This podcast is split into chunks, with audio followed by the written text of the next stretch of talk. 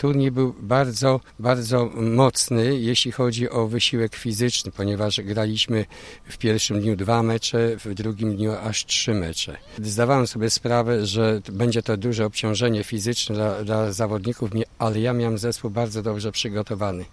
I od pierwszego meczu rozpocząłem grę w obronie na całym placu, od pierwszej minuty do końcowej. Jak wygrałem z Opolem który zespół był w ćwierćfinałach Mistrzostw Polski klubowych. Różnicą 30 punktów, to doszedłem do wniosku, że trzeba to kontynuować. Ta obrona musi być cały czas na całym boisku kontynuowana i w drugim meczu graliśmy z Ostrowem, to jest Szkoła Mistrzostwa Sportowego, też grała w, w ćwierćfinałach Mistrzostw Polski w klubowych i wygraliśmy ponad 20 punktów. Też była ciężka obrona na całym placu. Zastanawiałem się później, czy moi zawodnicy to wytrzymają. I powiem szczerze, do końcowego gwizdka, do ostatniego meczu sprawdziła się ta obrona i przygotowanie moich zawodników. Czy była nawet szansa na coś więcej niż brąz? No jak już wygrałem trzy mecze i grałem o wejście do ścisłego finału, czyli gdybym wygrał ten mecz z gospodarzami, ze Spółnią Starga, czy z Trójką,